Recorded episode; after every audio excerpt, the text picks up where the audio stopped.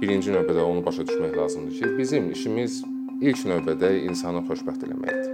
Hətta biz həbsxana dizaynı belə versək, memarlığı belə versək, düşünməliyik orada insan faktorunu. Çünki biz sonunda insanların ə, rahat və xoşbəxt yaşaması üçün ə, mübarizə aparırıq.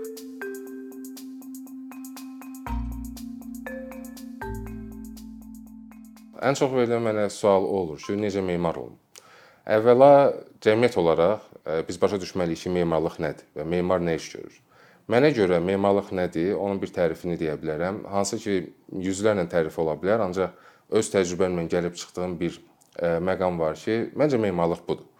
Memarlıq odur ki, fərd və ya kütlənin həyatını fiziki və ya emosional şəkilləndirən sənət sahəsi. Birinci növbədə onu başa düşmək lazımdır ki, bizim işimiz ilk növbədə insanı xoşbəxt eləməkdir. Hətta biz həbsxana dizaynı belə versək, memarlığı belə versək, düşünməliyik orada insan faktorunu. Çünki biz sonunda insanların ə, rahat və xoşbəxt yaşaması üçün ə, mübarizə aparırıq. Bundan sonra ə, bundan başqa memarlıq, memar olmaq üçün ümumiyyətlə nələr, hansı addımlar atılmalıdır? Bu da çox verilən suallardan biridir.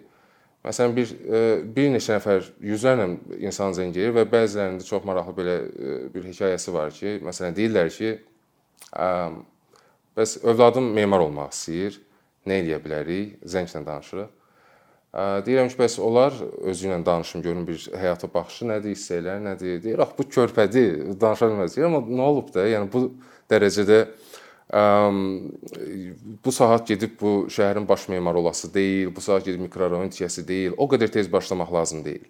Amma memarlığa nədən başlamaq olar? Rəssamlıqdan başlamaq olar. Yəni bunun birinci təməl daşları rəssamlıqla başlayır.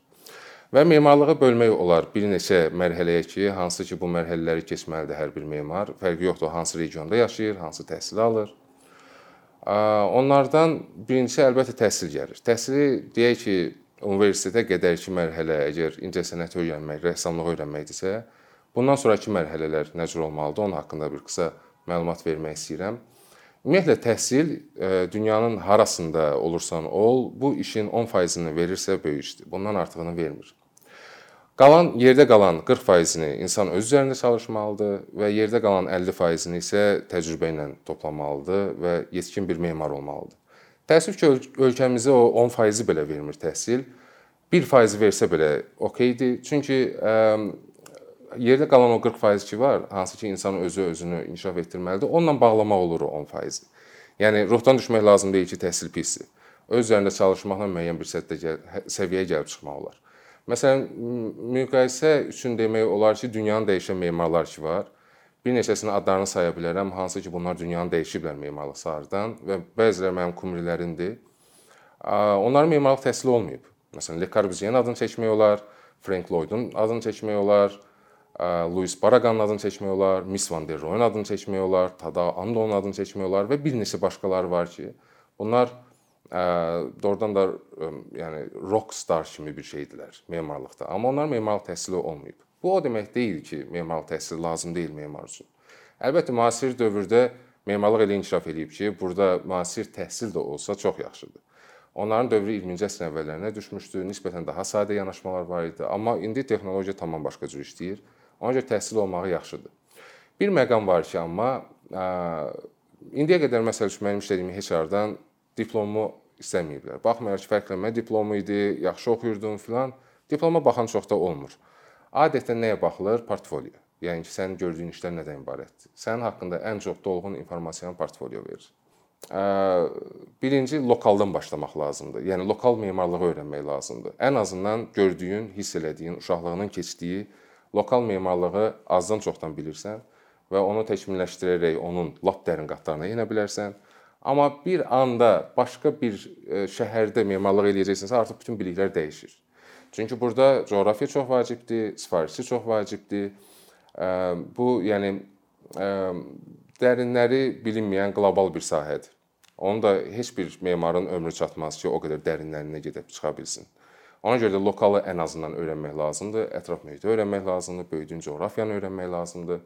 Müəyyən qatlara girib çıxandan sonra artıq inteqrasiyaya keçmək lazımdır təhsil hissəsini, memar olmağın təhsil hissəsini yekunlaşdırmaq lazım olsa, mütləqdir ki, təhsil alan memar rəssamlıqdan başlasın.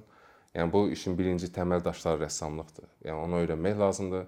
Düzdür, bu fakt deyil ki, rəssamlıq bilməyən insan memar ola bilməz. Tarixdə var elə bir insanlar ki, memarlar ki, onlar ya mətndən yazıblar, ya maket düzəldiblər. Məsəl üçün yerli memar Əlibəy Novruzini bilirəm ki, o maket düzəldirdi. O eskiz çəkmirdi. Amma rəssamlığı bilmək nəyə görə lazımdır? Eskiz çəkmək qabiliyyəti olsun ona görə ki, təsəvvür eləyin, yolda gedirsiniz və dünyanın ən yaxşı caz kompozisiyası gəlir beyninizə, amma notları bilmirsiniz. Elə orada da yox olub gedəcək. Amma eskiz çəkməyi bilirsinizsə, sanki notları bilirsiniz, onu harasa tökürsünüz, həm qeyd kimi qalır, həm də təqdimat üçün lazım olur. Ümumiyyətlə öz təcrübəmdən görmüşəm ki, sifarişçilərlə, eskizlə danışanda onlar daha çox etibar edirlər sənə. Çünki memar memarlığın içərisində böyüdüyü üçün hamı, hamı hamının memarlıq haqqında nəsə fikri var. Amma qarşı tərəfə izah eləmək lazımdır ki, öz eskizlərindən. Mən həm də yaradıcı insanam. Belə olan halda çox da işinə e, maneə çatmırlar və etibar eləməyə başlayırlar. Ona görə birinci addımlar təhsildən əvvəlki addım e, rəssamlıq üzərində olsa, akademik rəssamlıq öyrənilsə, ikinci fazada e, universitet təhsili olmağı artıq bayaq qeyd elədiyimiz kimi universitet təhsili olmayan dahi memarlar çıxıb dünyadan var, amma indiki dövrdə lazımdır, olmağı yaxşıdır bu müasir memarlıqla. Həmin dövrdə də gərək tələbə öz üzərində həddindən artıq çox çalışsın. Mənim bir müəllimimin məsləhəti demək istəyirəm ki, o mənə həmişə deyirdi ki, çalışın ki, müəllimin zəhləsini tökün, çoxlu suallarla gəlin. Çünki burada tələbəlik e, müddətində, başlayan müddətdə milyonlarla suallar olur. O sualları gərək yavaş-yavaş özün üçün tapasan və azad olmaq lazımdır tələbəlik müddətində. İmkan varsa xaricdə oxumaq əladır. Ümumiyyətlə xaricdə oxumaq nəyə görə yaxşıdır? Xarici ölkədə. Yəni konkret hansı universitetlərin adını çəkmək istəmirəm, amma ümumiyyətlə xaricdə oxumağın o işi yaxşıdır ki, ən azından insan başqa bir həyat öyrənir. Yəni ancaq lokal e, şəraiti və insanı tanımaqla memar olmaq tam e, yetkin memarlıq demək deyil. Həm də fərqli insan modellərini öyrənmək lazımdır. E, xaricdə oxuyub oranın nəbzini tutmaq, insanları tanımaq, insanların arasında oxşar və fərqli cəhətləri çıxartmaq özün üçün. Və çox vaxt ə, iş təcrübədə görürsən ki, əslində insanlar elə hamısı oxşardılar. Müəyyən bazı baza ə, məsələləri var ki, onlar hamıda eynidir. Sadəcə fərqliliklər var, coğrafiyaya, mədəniyyətə görə, dinə görə və s. Onları qavramaq lazımdır. Ancaq bir yerdə dayanıb memar olmaq çətindir. Ondan başqa nəzərə almaq lazımdır ki, ə, memar ə, memar memarın ə, ilk ə, vəzifəsi odur ki, odursa ki, insan üçün nəsə yaratmaq insan modelini öyrənmək e, həm bu formada lazımdır, həm də ki, e, qloballaşmaq, insanlarla ünsiyyətdə olmaq və insanın duyğularına enmək. Yəni o duyğular elə bir şeydir ki, hamımıza var. E, fərqi yox dinindən, irqindən fərqli fərqi olmayan hamının bir uşaqlıq xatirələri var. Məsləhətim olardı ki, öz uşaqlığından başlayıb baxasan dünyaya və xatirələr yaradasan. Ən belə yaxşı metodlardan biri odur ki, hansısa bir xatirəni canlandıra biləsən. Onda həmin o memarlığın bir hissi, bir ruhu olmuş olur. Ümumiyyətlə memar öz ruhundan bir balaca qatmasa həmin memarlığa, o memarlıq yetkin memarlıq sayılmır. Ruhsuz memarlıq sayılır. Buna da ən yaxşı metodlardan biri odur ki, xatirələrin. Məsələn, bir memar var, Peter Zumthor. Onun xatirələri var idi ki, mən uşaq idim, nənəmin mətbəxində otururdum, Yerdə e, keramika var idi, belə səs çıxardırdı, qapı açılanda belə cırıldayırdı, işıq belə düşürdü. Onun bir xatirəsi, bir hekayəsi var. Və çalışmaq lazımdır ki, səndən sonrakı insanlar üçün yaratdığın məkanlarda onların bir xatirələri formalaşmış olsun. Bax bu dərin memarlıqdır artıq. Yəni xatirələrə, yaddaşa bağlı bir memarlıqdır. Növbəti etap öz üzərində çalışmaq, belə deyək. Növbəti 40% e, hissə öz üzərində çalışmaq da ki, gecə-gündüz oxumaq, öyrənmək, bilikli olmaq, savadlı olmaq və yaxud da ən azından baxmaq, ən azından kinolara baxmaq, ən azından musiqiləri dinləmək. Yəni oxumaq indiki e, dövrdə biraz çətindir insanlara sürətli həyatda, amma e, indi Warhol demişkən, mən deyir ki, kitablar oxumadım. Mən baxdım, şəkillərə baxdım və öyrəndim. Yəni bu da bir metoddur. Bilikli olmaq lazımdır. Yəni ki, dünyəvi biliklər, lokal biliklər ki, insanı tanıyasan və insanda o xatirələri formalaşdıra biləsən, insan üçün məkanı daha dolğun eləyə biləsən kopyalamayasan, yeni nəsə bir şey yarada biləsən. Bu çox vacibdir. Və mütləq bu öz üzərində çalışma mərhələsində sərhədsiz yanaşmaq lazımdır. Məsələn, Daniel Libeskind memarın bir çox gözəl sözü var. İngilis dilində belədir ki, follow the impossible, yəni ki, mümkünsüzü izlə. Yəni mümkünsüz olana get. Qoy beynində o fantaziyalar partlasın, fışqırsın, çıxsın.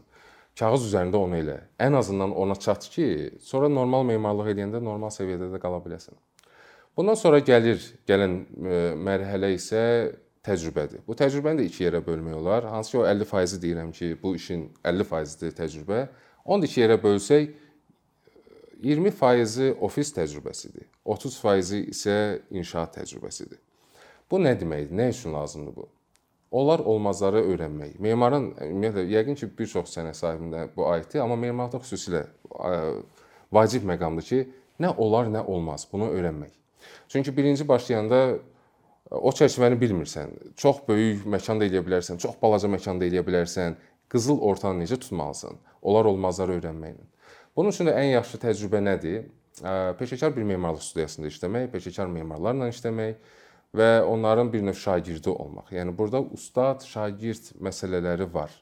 Və mən indiyə qədər ilk başladığım, işləməyə başladığım memarların indiyə qədər yaradıcılığında təsirlərini hiss edirəm və xoşbəxtlikdən yaxşı memarlar olublar və bunu davam da edirəm və bu irsə çevrilə bilər və yaxud da dəyişə bilər. Amma məsələ odur ki, o ofis təcrübəsini keçməklə olar olmazları öyrənmək lazımdır. Minimumları hansısa standartları tətbiq edən kitablardan, hardalardansa tapmaq olar, amma maksimumlar nə olacaq? Qızıl orta vacibdir. Olar olmazları bilmək vacibdir. İmkan varsa yenə də xaricilərlə işləmək, xarici memarlarla işləmək. Baxış tam fərqli olacaq o ilk mərhələdə, təhsildən sonrakı ilk mərhələdə qoyulan o daşlar ki var, baza, fundament daşları hesab olunur. Onlar yaxşı memar olsa yaxşıdır. Yəni burada pul qazanmaq ikinci dərəcəyə keçməlidir əlbəttə. Öyrənmək birinci mərhələyə keçməlidir. Zaten yaxşı memar olandan sonra qazanc necəsə gəlir.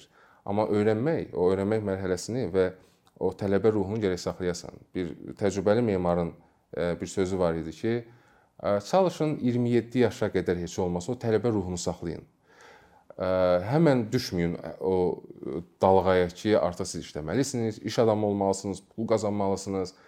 O tələbə ruhunu saxlamaq lazımdır. Zaten bu ruh insanın memarlıqda ən böyük ehtirasıdır. Çünki çərçivələr daha genişdir, daha azad yanaşmalar tələb eləyir. İçindəki uşağı doyura bilirsən o yanaşma ilə. Ona görə məsləhətdir ki, içinizdəki o uşağı, o tələbə ruhunu 27 yaşa qədər saxlayasınız.